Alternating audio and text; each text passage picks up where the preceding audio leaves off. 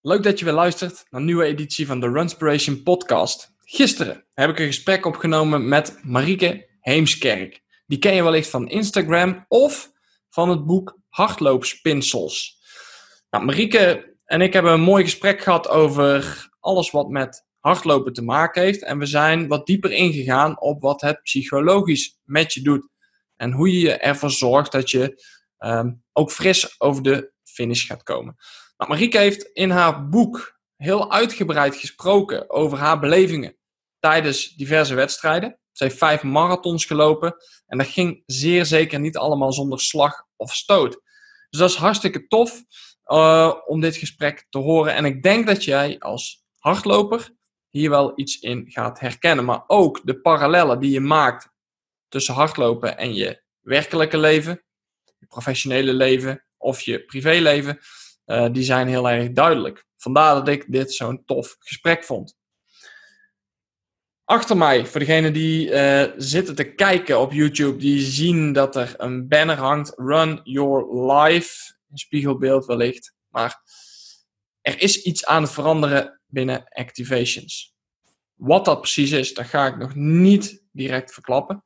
Maar ik ga minder vanuit puur en alleen mijzelf uh, de zaken doen.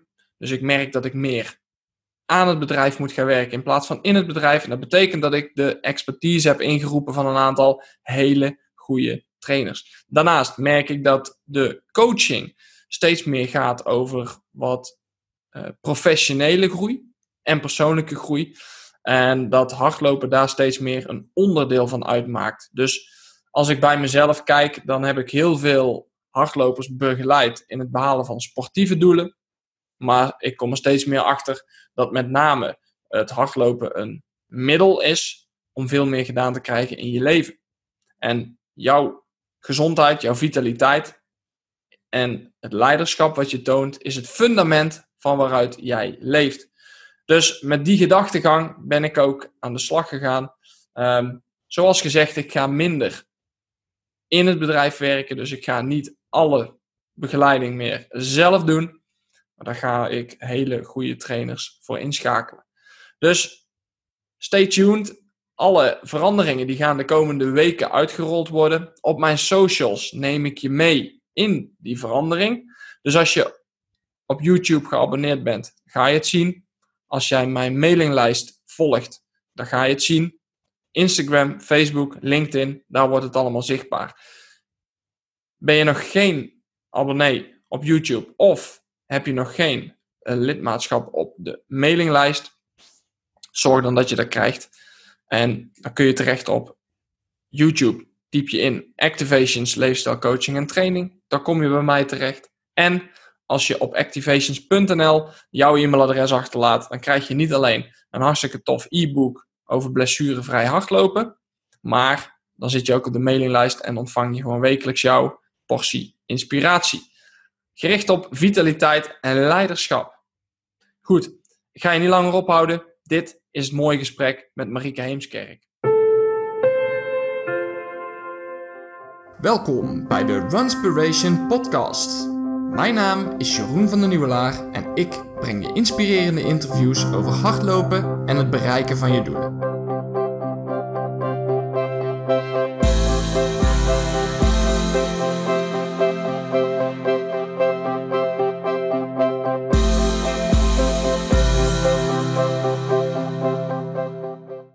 Hey, we zijn live. Marieke, welkom in de Runspiration podcast. Leuk dat je er bent. Ja, dankjewel dat ik er mocht uh, zijn. Graag gedaan.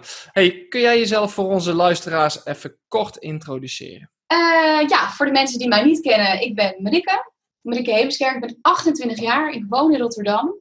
En uh, ik loop 12 jaar hard en ik ben de auteur van dit mooie boek. ja, voor de mensen die, die, die het kijken, die zien het. voor de mensen die het luisteren, het heet Hardloopspinsels. En het gaat over mijn hardloopevolutie. Ja. Goed, jouw hardloopevolutie. Nou, um, Marieke, wat, uh, ik ben heel benieuwd hoe je op dit pad terecht bent gekomen. Dus uh, nou, laat, laten we eens... Misschien moeten we meteen met een hoogtepunt beginnen. Wat is, wat is voor jou in het hardlopen de grootste openbaring geweest? De grootste openbaring, ja, dan vraag je me wat. Nou, ik denk dat ik dan wel moet zeggen de marathon. De klassieke afstand van 42 kilometer en 195 meter. Mhm. Ja, en hoe is het nou begonnen? Want ja, je loopt niet van de een op de andere dag een marathon. Ehm, nou, ik ben eh, geboren in 1991 en begon eigenlijk ja, te lopen toen ik een jaartje of 16 was. Dat was in eh, 2007. Mhm. Ik zat toen ehm, in eh eindexamenjaar en ehm, nou ja, ik moest superveel leren en ik zat eind, ja, echt uren achter mijn eh, com- computer en achter mijn leerboeken. En op een gegeven moment was ik het zo zat, dat leren, en toen wilde ik eigenlijk naar buiten en ik wilde iets actiefs doen. Dus ik deed random een, eh, een kast open, ik pakte mijn gimpies en toen ben ik naar eh, het park gerend. Mhm. En twintig minuten later kwam ik terug en dat gaf me zo'n enorme ja, euforie eigenlijk. En toen dacht ik, wow, ik voel me ook echt heel erg scherp. Dit moet ik vaker gaan doen. Mhm. Dus dat was eigenlijk het begin van, eh, van mijn hardlopen eh, ja, pad. Eh, maar moet ik wel eventjes een dwarsstraat maken, want ik ben altijd al heel erg sportief geweest. Ja, ik Eh, wou zeggen, want als jij zo 20 minuten de deur uit gaat Ja. en even een blokje loopt, dan... eh, ja, de meeste mensen hebben niet die ervaring bij hun eerste hardlooptraining, kan ik je vertellen. nee, nee. Dus, Dus, hoe is dat zo? ik, ik heb best wel echt een, sportieve basis. Eh, mijn ouders die namen ons altijd op sleeptouw. We hebben heel veel gewandeld. We hebben eh, fietsvakanties gedaan. We gingen dan eh, naar Zuid-Frankrijk fietsen. Hebben we zes keer gedaan. Ehm eventjes wandelen, dat werd al snel drie uur achter elkaar wandelen. Ehm, ik heb op softbal gezeten, waarbij ik het leukste onderdeel de home run vond. Ehm, ja, weet je, dat duurvermogen, dat zit zo in mij. Eh, dus ja, eventjes de gimpen aantrekken en drie kilometer rennen. Dat was eigenlijk appeltje-eitje. Alleen had ik nooit verwacht dat, eh, dat ik het zo eh, leuk zou vinden. Mhm. Want ik dacht eigenlijk van, ik was altijd een beetje sceptisch van hardlopen. Van ja, als, ik, als je dat heel erg lang doet, dan wordt het saai. En ehm, ja, het is allemaal niet zo goed voor je knieën, wat ik altijd had gehoord. Terwijl eigenlijk, dat is helemaal niet het geval. Het is juist heel erg goed, die beweging. Juist voor je lijf, eh, voor je geest. Ehm, en ja, Ja. ja, en eh, van, van het een kwam het ander. Want eh, die drie kilometer had ik toen gerend. Toen ben ik vaker op pad gegaan. Ehm, ik zat toen nog heel erg met school en met werk. Dus ik deed af en toe als ik er zin in had. En eigenlijk in 2011 toen ehm, ben ik het meer gaan oppakken. Dus ook met eh, hardloopwedstrijdjes hier en daar. En in 2016 toen werd ik echt wel fanatieker. Want toen was ik klaar met school. Ehm, ik ging op mezelf wonen. Eh, kreeg ook een stukje meer vrijheid, meer vrije tijd. En Mhm. toen eh, was er een, ehm, een vriendinnetje van mij. En die eh, liep eigenlijk als enige hard. En zij kwam altijd eh, met een big smile naar me toe. En zei ze weer dat ze die halve marathon had gerend. En die 10 kilometer wedstrijd. En ze kwam altijd met de wildste verhalen kwam ze thuis. En dat vond ik eigenlijk best wel inspirerend. Dus Mhm. toen dacht ik, wat zij doet, dat kan ik misschien ook. Ehm, nou, toen ben ik gaan trainen. Toen heb ik eigenlijk mijn, mijn, mijn kilometers uitgebreid. 5 kilometer, 10 kilometer. En op een gegeven moment dacht ik, ik wil misschien een halve marathon gaan rennen. En dat heb ik eigenlijk heel lang eh, stilgezwegen. Want ik dacht, ja, halve marathons, wat zullen vrienden, eh, collega's, familie wel niet van me denken? Ja, Want halve marathons, dat is toch iets wat kasten van kerels doen. Mhm. Ehm, dus ik heb eigenlijk heel lang eh, een beetje verzwegen wat ik aan het doen was. Eh, maar toen ik eenmaal echt eh, die kilometers in de benen had, toen durfde ik ook te zeggen van joh, ik ga die halve marathon rennen. Eh, ik ga me inschrijven en ik ga dit gewoon doen. ja, zegt ze terwijl ze met de vuist op tafel slaat. Ja, ja. ik ga ga het dit gewoon gewoon doen.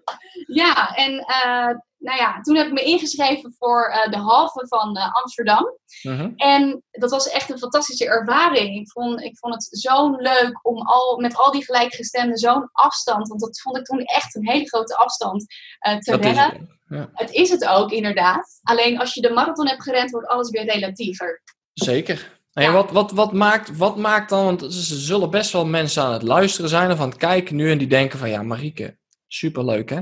Maar wat maakt het nou zo interessant? Wat maakt het voor jou nou zo, ja, je praat er heel enthousiast over, dus wat maakt nou hetgeen dat jou zo enthousiast maakt? Ja, dan trigger je toch een soort van ja, motivatiedingen. Wat sleept mij elke keer weer de deur uit? Ik denk eigenlijk eh, het gevoel, ehm, eigenlijk twee dingen. Tijdens merk je al heel erg van dat je ehm, in een soort van, ja, ik ga altijd in een soort van meditatie trance eh, eigenlijk. Ik, ik, ik merk gewoon, het wordt rustiger in mijn hoofd. Eh, eh, ik word creatiever, ik kom makkelijker op oplossingen. Ehm, ik zie de wereld eigenlijk een soort van in één keer rooskleuriger. Ehm, en als je terugkomt, dan ervaar je echt een soort van voldoening. En ehm, je, je gaat er eigenlijk altijd, kom je er beter eigenlijk uit dan dat je erin ging. En dat is voor mij zo waardevol aan het hardlopen. Dus ja, het is Mm. tweedelig eigenlijk dit antwoord. Ja.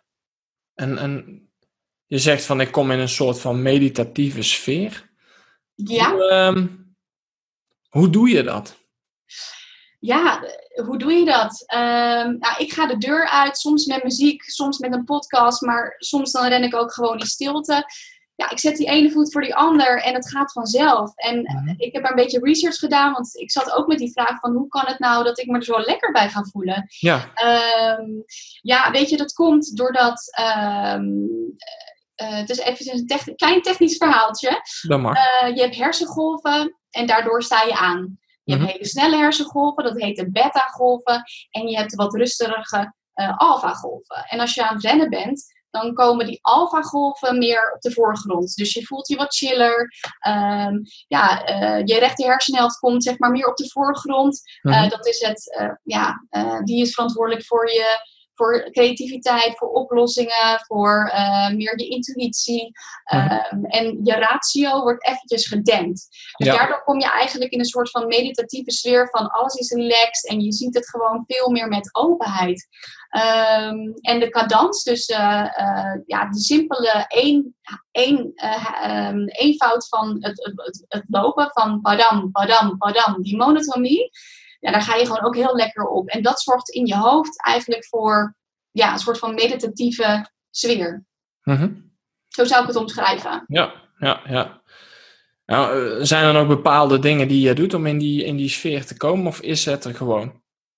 Eh, het is er gewoon. Ehm, maar nogmaals, ik, moet- ik moet wel zeggen dat ik echt een sportieve basis heb. Dus Ja, ja. weet je, het wandelen is ook al eh, heel erg monotoom. Het fietsen is eigenlijk ook best wel monotoom. Dus ik denk dat mijn hersenstructuren ook een beetje zo eh, zijn geworden. Mhm. Dus daardoor is het voor mij ook heel makkelijk om in die, ehm, eh, daarin te komen, in die, in die meditatieve stand. Ja. Ja, en gebeurt dat altijd bij jou? Nee, niet altijd. Gelukkig. Als, nee, ik ben geen ubermens of zo. Yes. Eh, Je bent een ben- mens. Jee, ik ben geen robot. Nee, ik, ehm, als ik een hele drukke dag heb gehad op werk of ik heb gezeur, zoals iedereen dat wel eens heeft, ehm, en je gaat de deur uit met een beetje een nukkig gevoel, ja, dan, dan, dan heb je de kans dat je er gewoon niet lekker in komt. En, Mhm. ehm, maar dan heb ik wel zoiets van, ik ben toch geweest, ben, ik heb toch eventjes het daglicht gezien of eventjes eh, een frisse neus gehaald. Ik heb toch even die bloedsomloop eh, een, een, een, een trigger gegeven. Eh, Mhm. be- beter iets dan niets krijg je dan weer. Maar ik heb zeker niet altijd een hele relaxte loop. Nee, zeker Nee. niet. Even waar jouw interesse in die psyche die daarachter zit? Ehm, nou, ik wil mezelf gewoon begrijpen. Ik denk dat ieder mens zich wel wil begrijpen. Want op het moment, tenminste dat heb ik, op het moment dat ik het begrijp, kan ik er ook veel beter kan ik er sturing aan geven. Mhm. Misschien is het een controle dingetje. Ja. Ehm, maar ik wil graag weten hoe de dingen zitten. Het is gewoon een nieuwsgierig, eh nieuwsgierig aagje ben ik eigenlijk. ja. Is jouw volgende boek eh, De Handleiding van de Vrouw? Nou, ik durf het niet zo stellig te zeggen. Nee, zeker niet. Want ik ben 28. Ik kom eigenlijk net uit de luiers. Ik denk... ja, toch? Nee, ik, ik heb wel een primeur voor je. Ik ben wel met boek nummer 2 bezig. Ah, Ja. lekker. ehm, maar die gaat over slaap en over voeding. Oké, nou daar gaan we dadelijk nog heel kort over. Ik begin daarover. Eh, Grappig is, eh, zijsprongetje. Er is in Amerika een, eh, een schrijfster die is echt miljonair geworden met het schrijven van de handboek voor, het handboek voor de man. Dat is gewoon een, een, een, een boek van eh 150 lege pagina's. Lege pagina's. Lege pagina's, witte oh, dus je kan zelf notities maken. Ja, die verkoopt ze gewoon voor, eh, voor, eh, voor 20 dollar per boek. En daar is ze hartstikke miljonair mee geworden. Dus, Oh, oh. eh, echt bizar. Ja, ja, het, Handel. ja het, kan, het kan dus. Het kan. Ja, nou, en vertalen is heel makkelijk. Dus misschien... eh, Ik doe de Nederlandse vertalingen. Claim hem bij deze, Marieke. Juist. Gat in de markt. Ja, vanuit, man, vanuit een mannelijk perspectief, nou, dan kan ik er nog wel 50 pagina's aan toevoegen. Goed. Hey, maar ehm, even terug naar eh, waar we het over hadden, de psyche. Ehm, ja, interessant. En dan kun je, kun, je, kun je met ons iets delen. Een, het kan een anekdote zijn van een van jouw, eh, van, jouw, eh, van jouw wedstrijden, die ook in je boek staan. Even, eh, hoe, hoeveel, hoeveel wedstrijden heb je gelopen inmiddels? Of hoeveel hou je het, hou je het een beetje bij? Ehm, ik ben wel selectief. Ik ben niet zo van, ik heb ieder weekend een, eh, een hardloopwedstrijd. Ik vind het wel een soort van, eh, het moet wel speciaal blijven. Mhm. Ehm, even kijken, ik heb opgeteld ongeveer 30 wedstrijden gedaan. Oké. Ja. Ehm, maar dan moet ik wel bij zeggen van, als ik ervoor ga, dan ga ik er ook echt voor.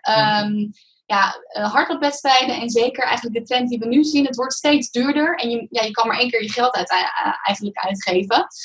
Dus ik, ja, ik heb zoiets van, eh, als ik ervoor ga, dan, eh, dan wil ik een mooie prestatie neerzetten. En ik wil niet eh, te pas en te onpas, maar medailles aan de muur hangen. En dat ik denk, ja, Ja, het, het moet wel speciaal blijven voor mij. Dus ik Ja. probeer daar wel een weg in te vinden. Oké, nou in jouw boek omschrijf je een aantal van die, van die wedstrijden bijzonder levendig. Dus kun je ons eens meenemen in een van de, van, van, nou, de, de meest bijzondere ervaring die je hebt gehad met, met een wedstrijd? De meest bijzondere ervaring. Ja. Nou, er zijn er heel veel. Eh, ik heb er heel veel namelijk omschreven. En het boek Mhm. is ook echt eh, nou ja, voor gevorderde hardlopers, maar ook voor beginnelingen. Ik denk dat heel veel mensen zich erin zullen herkennen. Mhm. Ehm, iedere wedstrijd is een wedstrijd aan zich. Ehm, en in mijn geval gebeuren er echt de meest gekke dingen eigenlijk. Ja. Ehm, nou ja, weet je, ik, ik praat open over eh, poep en pis. Ja, nou, dat is nou eenmaal wat, je moet, wat er gebeurt tijdens het hardlopen. We moeten Mhm. allemaal eens naar het toilet.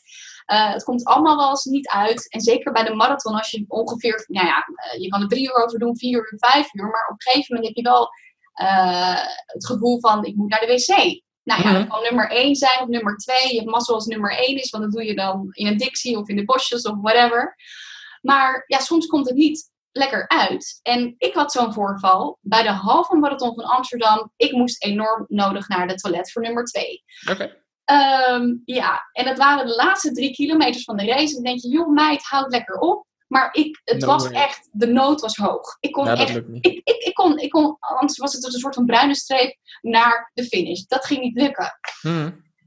Ik was toen in het Vondelpark. Ik ben onder het lint doorgekropen. Ik heb het eerste beste bosje, daar ben ik achter gaan kropen. Ik heb me, nou ja, mijn shit even afgeleverd. Broek omhoog, net gedaan op mijn neus bloeden en ik ben weer verder gerend. Nou, en ik ging hard, want ik had net eh, vijf, eh, 500 gram eh, neerge Ja, neergelegd. Een half kilo lichter.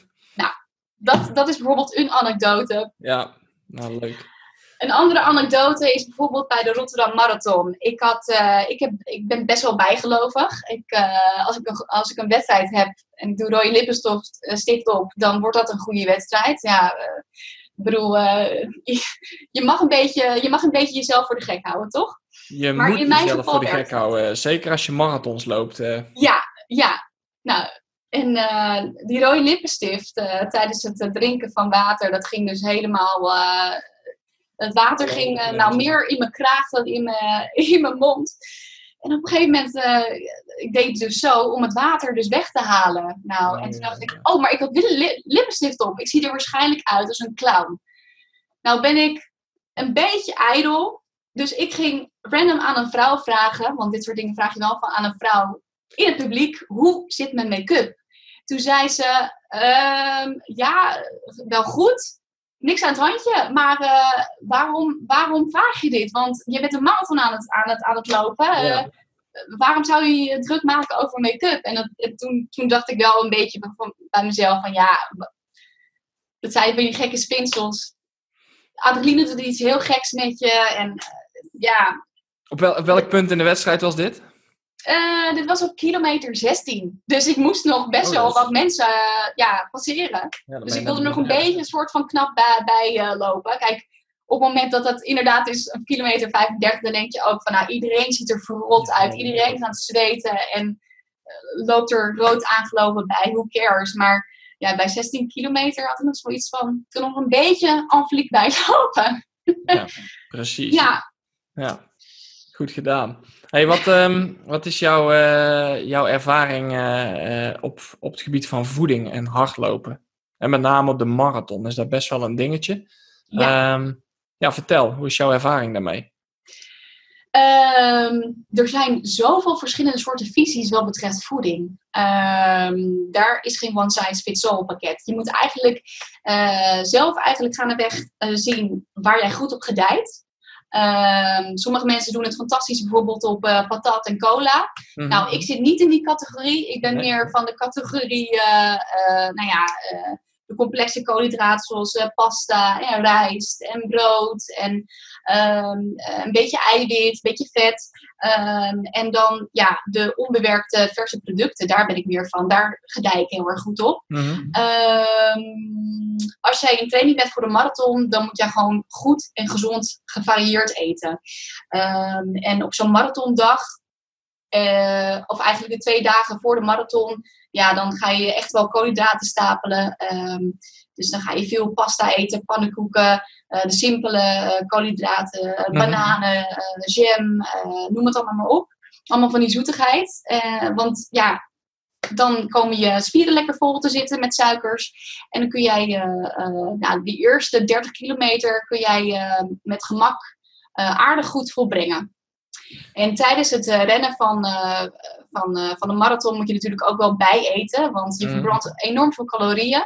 Ehm, en je wilt eh, ja, je koolhydraten verbranden. Eh, en je wilt niet in je vetreserves komen, want dat ga je merken. Dan krijg je eh, een hongerklop en je krijgt de man met de hamer. En je voelt dat alles wat moeizamer gaat en je gaat happen naar adem. Want als je vet wilt verbranden, dan heb je veel meer zuurstof nodig dan dat je ja, koolhydraten in je lijf hebt.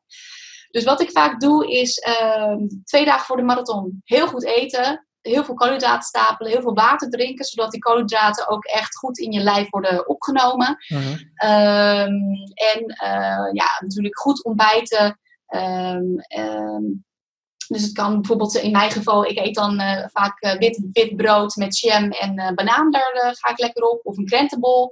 Ja. Ik gooi er een koffie in en tijdens het rennen dan eh, neem ik uh, Mountain Gels. Misschien jou wel, wel, wel bekend, Ja. eh, dat merk. Eh, ik eh, eet eh, pepermuntjes, winegums, eh, tukjes voor de zout, ehm cola snoepjes, kan van alles zijn. Heb jij een hele Eh, rugzak bij je onderweg? Of, eh, Ja, zo'n camelback. Ja, Ja. heb ik. Ja, Ja, want Ja, het is nogal wat wat je opneemt. Eh, ik bedoel, eh, ik neem drie gelletjes mee en eh that's it. en that's it. Ja, dan komt het goed, hoor. Ja, nou, ik ben heel erg, ik ben er heel erg van, ik wil, ah, ik wil heel graag eh, wel eh, mijn water mee, want ik, eh, ik heb snel het idee dat ik watertekort kom en dan word Mhm. ik, eh, ja, dan heb ik een beetje het idee dat mijn bloed dik wordt en dan word ik trager. Dus ik wil sowieso altijd goed geïrriteerd blijven. Oké, oké. Ja. En we hadden het er net over dat je jezelf een beetje voor de gek moet houden op de marathon. Wat, wat zijn dan dingen, wat, wat zijn van die typische zaken die jij doet als je wat langer aan het lopen bent en je merkt van, hmm, eh, kan Ja. een beetje, kan wel een oppepper gebruiken. Eh, nou, je kan verschillende dingen eigenlijk doen. Eh, wat ik altijd doe, is vaak mantra's gebruiken. Dus dan kom je weer een beetje in dat meditatieve sferen. Maar dat is Mhm. dan, het kan één woord zijn of het kan een zinnetje zijn. Wat mij helpt eh, om af te leiden van het stuk wat ik nog moet doen. Of eh, toch eh, een soort pijntje wat ik op voel komen. Of dat ik denk, ah, ik merk nu dat inderdaad de marathon gaat beginnen. Dus Mhm. dat alles wat zwaarder voelt. Ja. Ehm, een mantra zou bijvoorbeeld kunnen zijn dat ik continu herhaal in mijn hoofd positief, knallen, talent, ruggengraat. Mhm. Of een zinnetje zou bijvoorbeeld kunnen zijn van A naar beter nog een kilometer. En dat continu herhalen. Eh, of eh, finish what you started. Of ehm, eh, knallen, rammen, doorzetten. Dat, dat zijn allemaal van die, ja, van die gedachten, van die gedachtes of woorden, van die powerkreten die je kunnen afleiden. Dus dat kan helpen, mantra's. Ehm, wat mij altijd heel erg helpt is ehm, muziek. Mhm. Eh, dan ga ik gewoon helemaal in mijn eigen hardloopbubbel en ehm, dan luister ik gewoon een, een marathon playlist en eh, eh, dan ga ik gewoon heel erg focussen op de beat of op de lyrics en dat, dat leidt me af. Ja, wat, Of, wat staat er ehm, even, even oh, heel- handrem, wat staat er in je marathon playlist? Nou, wil je het echt weten? Dat is echt nou van Britney Spears tot aan de Dire Straits en alles wat ertussen valt. Oké. Dus mijn, mijn muziekpalet is vrij breed. Mhm. Ehm, ja, ik luister eigenlijk van alles wel. Oké. Behalve heavy metal en hardcore, want dat vind ik geen, eh, dat, dat is niet zo aan mij besteed. Niet jouw ding. Oké. Nee. Nou, dan, eh, dan kun je alle kanten op dus. Ja, Eh, ja, maar se- waar, waar selecteer jij die op bijvoorbeeld? Wel vaak op dat het uptempo nummers zijn. Dus ik moet er een vrolijk gevoel eh, aan overhouden. Ja. Ehm, en, een- en dat het een beetje snel is. Dus het mag wel 140 beat per minute zijn of, eh, of eh, sneller. Ja. Daar selecteer ik een beetje op. ja, precies. Dat je niet de tranentrekkers na 30 kilometer opzet. Want dan, Nee, niet van bloed, bloed, zweet en tranen of zo. Of noem eens een, een ander nummer waarbij je echt gewoon in huilen uitbarst. Ik zal niet bijvoorbeeld Nora Jones op gaan zetten. Nee, Nee. Daar, daar ren je geen marathon op. In ieder geval ik niet. Eh, nee, nee, nee, nee. Ik kan me Nee, voorstellen dat er iets eh, een dat er beetje- zijn betere dingen. Beetje loom is dat. Wel Ja. lekkere muziek hoor, maar niet voor, eh, voor ja, als je snel wil rennen. Nee, kun je, kun je beter. Ik, ik hoorde laatst eh, van, van wie? Van Petra Kerkhoven, die had het erover. En, Ja. Die had het over Michael Jackson, als, gewoon als, als hardloopmuziek. Omdat hij heel vaak toch standaard al 180 eh, beats per minute eh, aanhoudt. Ja, die man die, eh, die wist er wel pop van. Die, eh, die wist wel wat verkoopt. Ja, ja, precies. Dus, eh, dus mensen denken altijd dat als je 180 bpm opzet, hè, voor de, voor de, even voor de mensen, eh, bpm, eh, wat eh, 180. Kijk, eh, pasfrequentie is een van de belangrijkste zaken in hardlooptechniek, om in ieder geval fris te blijven. En bij de marathon zeer zeker. Als je aan het einde van een wedstrijd bent, dan eh, stort je hardlooptechniek een beetje in bij de meeste mensen. Tenminste, als ik op de Koolsingel kijk in Rotterdam, dan lopen de meesten er niet heel eh florisant mee bij. Wil je in de laatste kilometers je eh, prestatie nog een beetje verbeteren, of wil je fris in je kop worden, dan kun je natuurlijk allerlei psychologische spelletjes met jezelf spelen. Maar een van de belangrijkste dingen is dan dat je gewoon weer terug in je hardlooptechniek komt. En 180 passen per minuut is een beetje de heilige graal als het aankomt op eh, het aantal passen per minuut wat je zou willen zetten. De meeste recreanten komen daar overigens niet op. Die zijn met 165, 170 al een heel eind. Ja. Maar Ehm, meestal eh, stort je hardlooptechniek een beetje in. En dat kun je zien aan het aantal passen dat je zet. Zie je op je horloge staan van nou, ik zit nog rond de 150, 155. Gooi je dan eventjes eh, een wat hoger tempo of een hoger ritme in. Geen tempo, maar ritme. Dat kun je doen door eh, je ellebogen iets eh, actiever eh, in te zetten. Dat is al een hele goeie. Maar je kunt ook gewoon een playlistje opzetten met eh, 170, 180 bpm. Waardoor je wat automatisch wat beter gaat lopen. En dat werkt ook door in je psyche uiteraard. Ja, mooi hè, hoe eigenlijk muziek verbonden is aan, aan het hardlopen. Ja. Want Ja. je hersenen inderdaad nemen het ritme over van de muziek. Dus als jij snelle muziek draait, ga je sneller lopen. Ja, dat klopt. Dus geheim tipje. Ja. Geheim tipje. Goed. Ehm, ja, wat doe je nog meer? Je, had, je, had nog één, je wilde nog één ding vertellen over wat je psychologisch deed om jezelf eh, beter te, te voelen onderweg. Eh, nou, je kan natuurlijk ook altijd bijvoorbeeld een vriend of vriendin opbellen voor een pep talk. Dat is ook een goeie. Daar heb ik echt nog nooit behoefte aan gehad onderweg. Nee? Nee. Nou, sommige mensen zitten er zo doorheen dat ze even de stem van hun partner willen horen of de stem van eh, een goede vriend of vriendin. Mm. Eh, dus nou ja, in mijn geval, ik heb dat nog nooit gedaan, maar er zijn mensen die dat doen. Wat ik wel ooit heb gedaan is eh, terugtellen van 100 naar 1. Dat is super saai, maar is ook effectief. Of van die kleine spelletjes van eh, een wedstrijdje in een wedstrijdje. Dus bijvoorbeeld een marathon. Eh, ze zeggen bij 30 kilometer dan begint de marathon pas echt. Ehm, nou ja, ik heb wel ervaren dat dat wel kan, zo kan zijn. Eh, Mhm. Ik heb het ook wel eens een keer eerder gehad. Dat bijvoorbeeld bij 26 dat ik al dacht van oei, hier begint hij. En op andere momenten begon hij pas bij 33. Toen dacht ik, ah, yes.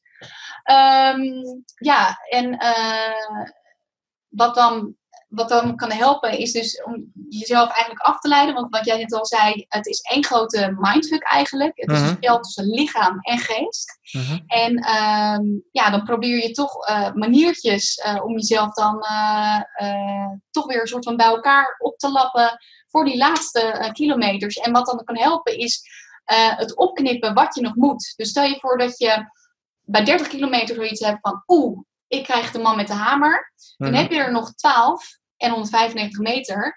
Eh, knip hem op in uh, partjes, zoals bijvoorbeeld uh, 2 kilometer of 5 kilometer. Want je Ja. weet, het maakt niet uit hoe crap je je voelt. Je weet, je kan altijd nog 2 kilometer lopen, want dat heb je in trainingen ook gedaan. Je kan Ja. altijd jezelf nog pushen.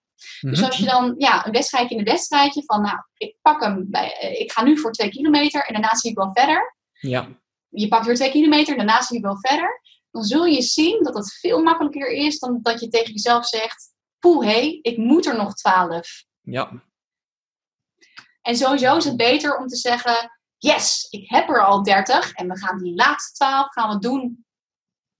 ja, precies. Gewoon kijken wat je al hebt gedaan. Ja, In plaats van dat je gaat kijken van wat je nog moet doen. ja. Dus Ja, dat is, als je dat uitvergroot naar eh, het hele leven, is dat het verschil tussen eh, dat je tevreden bent met dat wat er al geweest is, of dat je continu maar blijft eh, streven naar meer, meer, meer. klopt. Klopt. Ehm, ja. En ik denk, denk als je die twee werelden ver, vereenzelvigt, dan kom je een heel eind bij geluk in de buurt. Dus dat je tevreden kunt zijn met datgene wat je al bereikt hebt, dat is één heel sterk iets. In de wetenschap dat er nog heel veel te winnen valt. Ja. ja, ik vind dat een hele mooie bewoording van jou. Dat is inderdaad ook hoe ik erover nadenk. Dus Ja. eh, je mag heel dankbaar zijn op, op de dingen die, die goed gaan. Eh, en tuurlijk, je mag kritisch zijn, want er zijn altijd de grootste ruimte die er is, eh, is die van verbetering op aard. Maar ehm, ja, zolang je dankbaar bent voor de dingen die, die, die goed gaan, als je dat eh, eh, stelt boven de dingen die niet goed gaan, ja, dan, dan, dan, dan veer je op en dan, haal je, dan heb je heel veel kracht om gewoon eh, ja, verder, verder te gaan en verder te komen. Ja, goed. Nou, zo heb je dus verschillende manieren om van eh, bullshit radio in je hoofd eh, te switchen naar Power FM. Maar ik wil even blijven hangen bij bullshit radio. Wat, wat is er voor jou het moment geweest waarop je het hardst hebt eh, afgezien en, en wat, wat, ging er toen, wat ging er toen mis? Ehm, even kijken hoor. Eh, ja, dat denk ik dat het mijn, mijn vijfde en mijn laatste marathon is. Toen ben ik echt wel best wel ja, eh, gepakt, om het zo maar even te zeggen, door de man met de hamer. Mhm. Alleen die had, dat was een ijsklomp. Laat ik het even zo zeggen. Ik was dus in ehm Spijkenisse, marathon. Eh, wordt georganiseerd in december. Het was ontzettend koud. Het had eh, die nacht daarvoor gesneeuwd. Eh, het lag onder het vriespunt. Ehm, en eh, ja, ik heb niet echt heel veel vet om het lijf. Dat zie je ook. Eh, dat zeg ik nu ook tegen de luisteraars. Ik heb niet veel vet om het lijf. Ik ben gewoon een magere spriet. Ehm, en ja, ik ben gewoon atletisch gebouwd. Maar eh, ik kan me niet zo goed weren tegen kou. En dat was wel echt een punt. Ehm, bij 26 kilometer, toen sloeg die kou, die sloeg echt in mijn lijf, in mijn longen. Want ik ademde alleen maar koude lucht in. Mhm. Ik kon mezelf niet verwarmen. Ik kreeg een hele rare zijsteek. Ehm, eh, en, en die zijsteek die ging maar niet weg. Ehm, ik ben toen gestopt. Ik ben eh, eh, oefeningen gaan doen om die zijsteek weg te werken. Maar ik was zo door en door koud ehm, dat ik die zijsteek niet eh, wegkreeg. En eh, ik heb toen wel eh, doorgebikkeld tot het laatste, tot, het, tot, tot de 42 kilometer. Maar of ik er nou van genoten had, nee. Toen had ik echt wel, toen kwam ik echt mezelf kei en keihard tegen.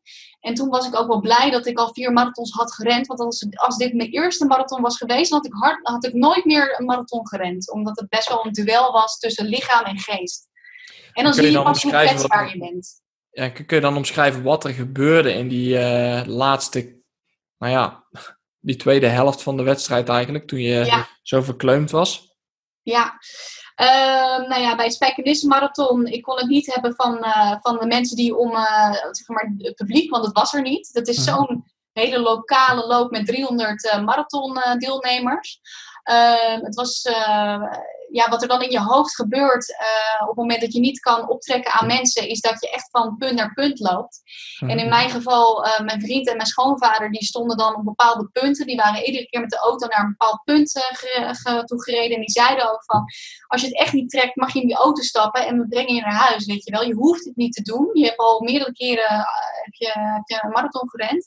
Maar er was echt een, een stem in mij en die zei, je, ga, je, je kan dit, weet je wel. En dan zie je toch dat soort van mind over matter, van op het moment dat het tussen je oren goed zit, en je, je kan je, je benen wel draaiende houden, ja, dan, dan lukt het je nog wel om die, eh, om die laatste passen te verzetten. Want ik vond het zo jammer eh, als ik uit zou stappen. Ik, ik zou daar geen vrede mee hebben. Dat zou dan meer een soort van faal, of nee, een, een, een teleurstelling voor me zijn, dan dat ik met pijn over die finish kwam en alsnog een soort van blij kon zijn dat, dat ik door had gezet. Want Mhm. Ja, dat is zo'n zo'n raar ding aan de marathon. Het is, eh, je, je bent zo op jezelf aangewezen en ook als het misgaat.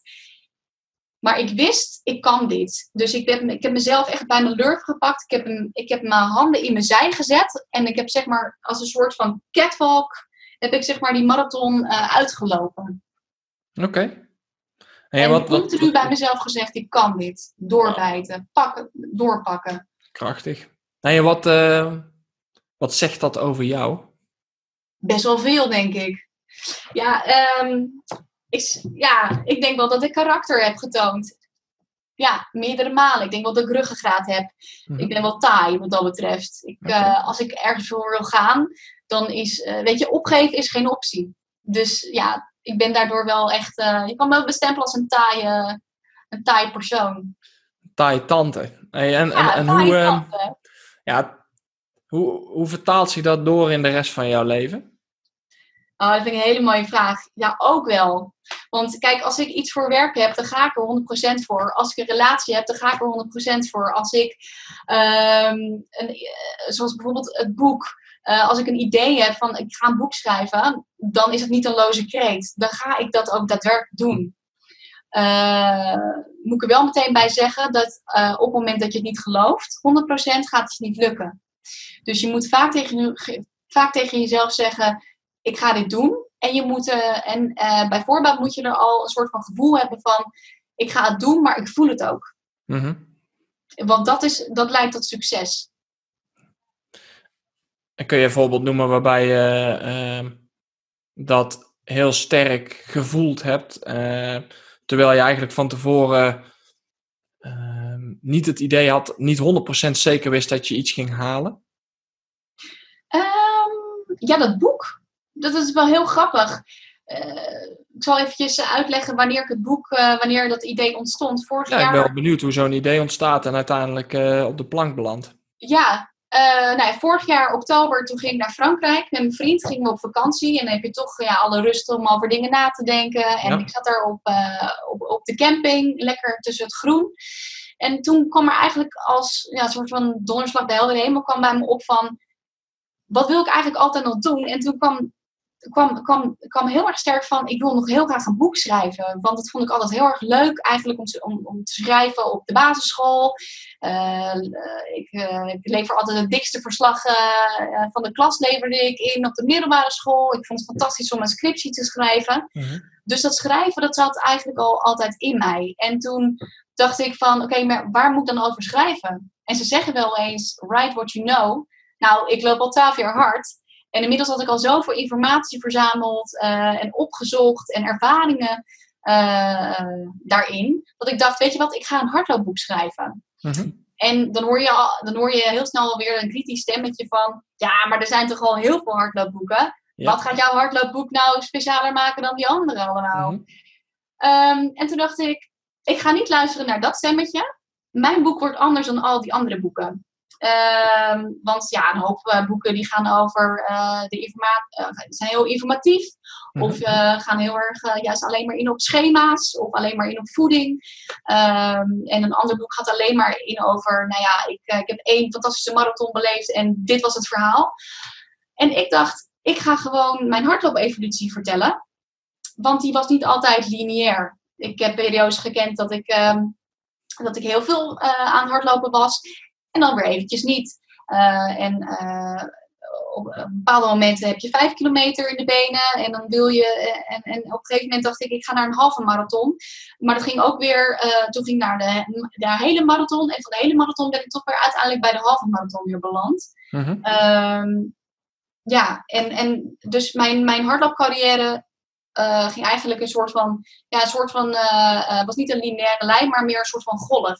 Ja. Eh, met ups en downs. En ik heb ook wel eens een keer in de blessurehoek gezeten. Eh, Maar ja, ik heb ook genoten van de euforie van, van, van, ja, van, van, de, van de wedstrijden. En dat, dat, dat je dan een super goede tijd rent. Of een, een, afstand waar je echt enorm trots op mag zijn. Mhm. Nou, en al die ervaringen ehm, samen met mijn ehm, uh, met mijn studie psychologie en uh, met voedingsleer uh, wilde ik eigenlijk bundelen tot één, één groot boek. Mhm. Um, en ik wilde graag dat het een beetje ja, makkelijk leesbaar werd. vaak is het zo dat je een boek leest en als het dan de, de, toon zeg maar, niet aanslaat, dan, dan leggen mensen hem al snel weg. Dus het ja, moet als ook wel het een beetje. als het een worsteling wordt, dan wordt hij niet uitgelezen natuurlijk. Ja, dus, dus ik wilde ook een beetje humor erin, omdat ik ook zo ben. Dus Mhm. uh, het, is een, uh, het is een rijk gevuld boek met heel veel informatie en uh, heel veel humor. Oké. Okay. Hey, en, Ja. en hoe lang heb je erover gedaan om dat eh, op papier te krijgen? ging eigenlijk best wel snel. Ehm, binnen drie maanden had ik het geschreven. Mhm. En dan, dan nog een maand om het eh, echt te fine-tunen. Ik had dan twee lezers. Mijn eh, eh, schoonvader, die hardlooptechnisch eh, eigenlijk het gedeelte bekeek, want die is ook hardloper. En mijn moeder, eh, die, die, die las ook mee. eh, en zij heeft Nederlands gestudeerd, dus die keek meer naar de context en naar de zinconstructies en dat soort dingen. Mhm. Ehm, dus ja, eigenlijk kun je wel zeggen dat ik het in vier maanden tijd heb geschreven. Moet ik wel zeggen, dat vroege ochtenden en late avonden, want ik deed het gewoon naast mijn baan. Oké. Dus ja, maar weet je, waar, waar een wil is, is een weg. Dus ja, ik heb wel echt, ik heb het gedaan. Ik heb niet, het, was, eh, het bleef niet bij een loze kreet, maar ik heb het gewoon gedaan. En eh, ja, ik ben er heel trots op. Ja, super. Oké. Hey, en ehm, ehm, wat, wat, wat, wat is in ehm, dat hele schrijfproces nou hetgene wat jou het meest is bijgebleven? Nou ja, weet je, het is, je gaat eigenlijk als een soort van helikopter vlieg je boven je eigen verhaal. En eh, wat ik zo mooi vond, was dat je, je denkt jezelf te kennen. Want je hebt het allemaal meegemaakt. Ja. Maar reflectie, dat is wel echt eh, bewustwording. En eh, ik heb het ook allemaal een plekje kunnen geven of zo. Ik heb even nog goed nagedacht over alle dingen die, die, die, eh, die, goed gingen bij, de, bij, bij wedstrijden. En die minder goed gingen bij wedstrijden. En daar heb ik ook echt mijn lering uitgetrokken. Ehm, en zoals bijvoorbeeld dat ik eh, veel te overtraind bij mijn eerste marathon eh, stond. Eh, ik, had, ik focuste alleen maar toen op lange duurlopen. Ja, dat is goed voor je zelfverzekerdheid. Maar je hebt geen frisse benen. Nee. Nee. En nu is mijn aanpak ook anders. Ik heb nu ook zoiets van als ik ooit nog de marathon ga rennen, dan wil ik eerst een hele goede halve marathon tijd hebben. En daarna dan gaan we even focussen op die hele. Want ik ging wel heel snel van een halve naar een hele. Zat maar een half jaar tussen. Hm. En je moet, ja, weet je, hardlopen, dat weet je, dat is een blessuregevoelige sport. Je spieren moeten wennen, je gewrichten moeten wennen, je pezen, je ligamenten, noem het maar op. Ehm, en ik ging eigenlijk iets te hard van stapel, omdat ik het zo leuk vond. Ja. Ja, doorgaans moet er toch wel een eh, minimale jaar tussen zitten, hè? tussen de halve en de hele. Tenzij je natuurlijk al, al, al meerdere halve hebt gelopen. En dan, eh, ook, ook dit is wel individueel, maar eh, wat je zegt, het lichaam past zich op verschillende fronten aan. En wij focussen eigenlijk alleen maar op het, eh, ja, een beetje het oppervlakkige herstel vaak. Alleen dat dieper liggende, dat, dat, dat weefsel in het lichaam, bindweefsel, met name pezen, kraakbeen, dat soort dingen, die hebben gewoon langer nodig om, om aan te passen. Ja, Dat klopt. geeft gewoon lang, heeft even langer de tijd nodig. Dus helaas voor iedereen die nu zit te luisteren en denkt van nou, ik kan in de kroeg de weddenschap wel aangaan. Wellicht dat je de finish haalt, maar je haalt er echt meer plezier Ja. en voldoening uit op het moment dat je echt goed getraind bent en, en, en een tijd lang Ja. geïnvesteerd hebt in je eigen ontwikkeling op het gebied van, eh, van hardlopen. Eerst een solide basis en dan eh, kijken we wel verder. Want Oh, inderdaad, als je ongetraind... goede boodschap, maar zo saai. hè. Maar Ja, het, eh, weet je, alle clichés zijn waar. En ook wat dat betreft, eerst een solide basis en vanuit daar kun je gaan specificeren. Ja, het is helaas niet de sexy boodschap die ons vaak wordt voorgehouden. De- Nee. De, quick win en de, Ja, eh, ja, nou ja. Je kunt geen, eh, er zijn geen shortcuts naar de top. nee, nee, nee, nee. Nee, Ja. het gaat allemaal, eh, nou ja, eerst goede fundament en dan stapje voor stapje voor stapje. Ja. En weet je, ook de reis naartoe, daar moet je ook van genieten. Dat wil ik ook Nou ja, dat wou ik zeggen. Dat, misschien is dat nog wel de, de belangrijkste les die ik heb geleerd in al mijn, eh, ook in de, in de, in de coaching van, eh, van, mijn, eh, van mijn deelnemers. ja, dat de reis er naartoe minstens zo belangrijk is als de wedstrijd zelf. En we focussen ons vaak echt heel sterk op het eindproduct. Alleen dat doel kan vaak slagen of niet. Dus als jij een bepaald idee hebt in je hoofd van hoe iets moet zijn, ja, het kan daaraan voldoen of niet. Maar besef jezelf dat die kilometers die je in de voorbereiding loopt, dat zijn er toch vaak een, eh, een kleine duizend, dat al die kilometers naar de marathon optellen eh, naar het totale eh, beleving die je op het einde hebt. Ja, klopt. Ja. Daar, daar, zit vooral, daar zit het vooral. En als je dan weer uitzoomt naar het leven, ja, je kunt een bepaald doel hebben voor jezelf. Als zijnde dat het leven een, een hardloopwedstrijd is. Nou, dan wens ik je heel veel succes, want er is geen finishlijn. Ja, die is er wel, maar die schuift steeds op. Je weet niet waar die zit. Dus als je toewerkt naar een bepaald eindpunt, op werk, op privé, op je relatie, ja, dan wens ik je heel veel succes, maar er is geen eindpunt. Dus kun je beter gaan leren eh, genieten van het proces, want daar zit je echte groei. En eh, als je daarin eh, kunt berusten en daar je succes en, en, en ehm, je geluk, je plezier uit kunt halen, dan ben je er volgens mij. Oh, Ja. dat klinkt wel heel erg mindful, hè? Nou, heel mooi geformuleerd. Nee, ik, Ja. ik eh, sluit me daar volledig bij aan. Ja, Oh, wat fijn om dat ook eens van een vrouw te horen. bij deze. Marieke, je gaat een tweede boek schrijven. Die primeur die heb ik gehad. Dank je wel daarvoor. Ja. Eh, overigens, voor degene die nu zit te luisteren of te kijken en denkt, ja, doorgestoken kaart. Dit hebben we van tevoren niet besproken. Nee. Maar we moeten het er toch over hebben. Waar ga je het over hebben in je boek? Ik ga het hebben over slaap en over voeding. Ja, ik wil er nog niet te, veel over zeggen. Oh jee. Maar eh, je kan wel weer een beetje dezelfde toon verwachten zoals eh, met hardloopspinsels. Het Mhm. gaat eh, dit keer niet over mij, want hardloopspinsels is toch echt wel een humoristische, informatieve autobiografie. Mhm. Dat is een hele mond vol. Ehm, ja, ik, het gaat dus over slaap en over voeding en hoe belangrijk die zijn bij, nou ja, in het leven sowieso. En dat we die vaak toch een beetje, eh, dat het toch een soort van ondergeschoven kindje is. En vaak zien mensen door de het boom het bos niet meer. En daar wil ik een beetje mensen wegwijs in maken. Oké, oké. Ja, En ook weer twee van die onderwerpen waar je hele boekenkasten over eh, volgeschreven zijn. Dus, dus wat, wat gaat jouw boek hieraan eh, uniek maken? Ehm, nou, ik moet zeggen, ik lees dus ook heel veel over slaap en over voeding. Zo zijn over slaap bijvoorbeeld. Eh, ehm, zo ben ik ook bij jou terechtgekomen. Ik heb toen die podcast geluisterd met Floris Wouters, die slaapexpert. Ja. Enorm veel van geleerd en ook toegepast op mijn eigen leven. Mhm. Ehm, ja, daar zal ik wel een aantal dingen uitplukken van, oké, misschien is dat wel belangrijk eh, om, om ook weer eh, te benoemen. Ik bedoel, ik ben geen copycat, maar ik, eh, weet je, her en der krijg toch een soort van inspiratie. Ehm, vanuit dat boek heb je, heb je, heb je Mhm. die eh, inzichten. En zo pluk ik eigenlijk overal wel inzichten, want ik vind tot nu toe de boeken die ik heb gelezen over slaap en voeding, ze zijn nog niet helemaal compleet of zo. Oeh. Ja, en, maar eigenlijk zeg ik nu eigenlijk alweer te veel. Oké, nou, Dus- dan... Je hebt een primeur te pakken. Wanneer die komt met boek, weet ik niet. Ehm, ik heb niet echt een deadline. Dat had ik voor hardloopspinsels wel, want er zat een boekpresentatie aan vast. Ehm, dus ik moest voor die, voor die datum wilde ik het absoluut af hebben. Mhm. Maar nu heb ik zoiets bij mijn tweede boek. Weet je, ik zie wel, wanneer ik tijd heb en zin, dan ga ik zitten en gaan schrijven. Ehm, maar die druk die ik had bij hardloopspinsels, die hoeft niet. Ik vind eigenlijk gewoon dat je een deadline moet noemen. Nu. Hey, hey, hey. Nee, kom op. Een beetje, beetje, klein beetje druk. Dat, dat, dat doet de mens goed. Ik, ik wil even de luisteraars oproepen. Als jij eh, dat ook vindt, stuur een mailtje. Ja, stalk me op Instagram met Marieke, maak je boek af, want we willen hem allemaal lezen. Ja, goed. Mag. Misschien helpt het voor jou om een pre-order erin te zetten. Dan eh, zie je aan de bankrekening hoeveel, eh, hoeveel motivatie dat je krijgt. Nou, dat wil ik nog even, eh, even zeggen. Een boek schrijven is zeker geen vetpot.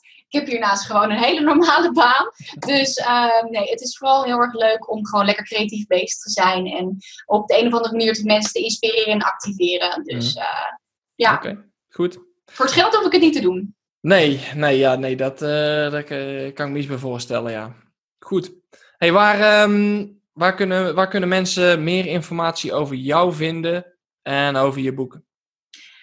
Nou, stel je voor dat je het eh, een leuk gesprek vond en denkt, hey, die hardloopspinsels wil ik wel kopen. Dat kan via bol.com. Uh, maar ook uh, andere online, ja, kleinere boekhandels hebben mijn boek. Vul Mhm. gewoon bij Google in Marieke Heemskerk hardloopspinsels. Hardloopspinsels is aan elkaar. En dan vind je me al heel snel. Ehm, nou, vind je mij eh, een leuke chick? Dan kun je me volgen op Instagram. Daar eh, upload ik één keer in de week eh, een, eh, ja, een hardloopfoto of eh, iets wat in mijn leven speelt. Mhm. Ehm, en voor de rest ja, ben ik heel erg benieuwd wat eigenlijk mensen van de podcast vonden. Dus laat gewoon een reactie achter. Ja. Nou ja, laten we bij deze afspreken. Ik zet in de beschrijving hieronder een link naar jouw boek uh, uh, van, op bol.com. Um, dus daar hoeven ze alleen maar op te klikken. Uh, vervolgens, uh, als mensen iets achterlaten op uh, Instagram, tag mij daar ook in. Vind ik altijd leuk om reacties te horen en te lezen van uh, mensen die de podcast beluisterd hebben. En um, ja, dan, dan maken we er een, mooi iets van. Um, Marieke, zijn er nog zaken die wij niet belicht hebben in dit gesprek, maar die toch naar voren moeten komen? Nou, ik zou zeggen, allemaal mijn boek kopen. nee, ik denk dat we heel veel uh, ja, hebben aangestipt. En um, uh, er is nog eigenlijk zoveel wat, wat ik zou kunnen vertellen over hardlopen. Maar um, ja, weet je, ga gewoon lekker mijn boek lezen. Want dan vind je allerlei dingen over, nog meer over voeding, over psychologie, over fotografie. En ja, alle, allerlei ver, uh, ja, vermakelijke uh, raceverslagen. Dat ja, dat is het absoluut. Het leest als een malle weg. En het zijn hele persoonlijke verhalen van jou die je ontzettend humoristisch hebt gebracht. Dus uh, ik, vond, ik vond het hartstikke lekker om te lezen. Dankjewel daarvoor. Dankjewel voor het gesprek. En, Jij bedankt. Ja, graag gedaan. En tot de volgende aflevering van de podcast. Deze podcast wordt mede mogelijk gemaakt door Activations. Ben jij een gemotiveerde hardloper die blessurevrij en topfit aan de start van de volgende wedstrijd wil staan? Wil je in korte tijd veel resultaat boeken? Laat je dan door mij coachen. Ik heb een gratis cursus blessurevrij hardlopen. Ik organiseer groepsprogramma's en voor hardlopers die direct resultaat willen zien, bied ik één op één programma's. Kijk voor alle mogelijkheden op www.activations.nl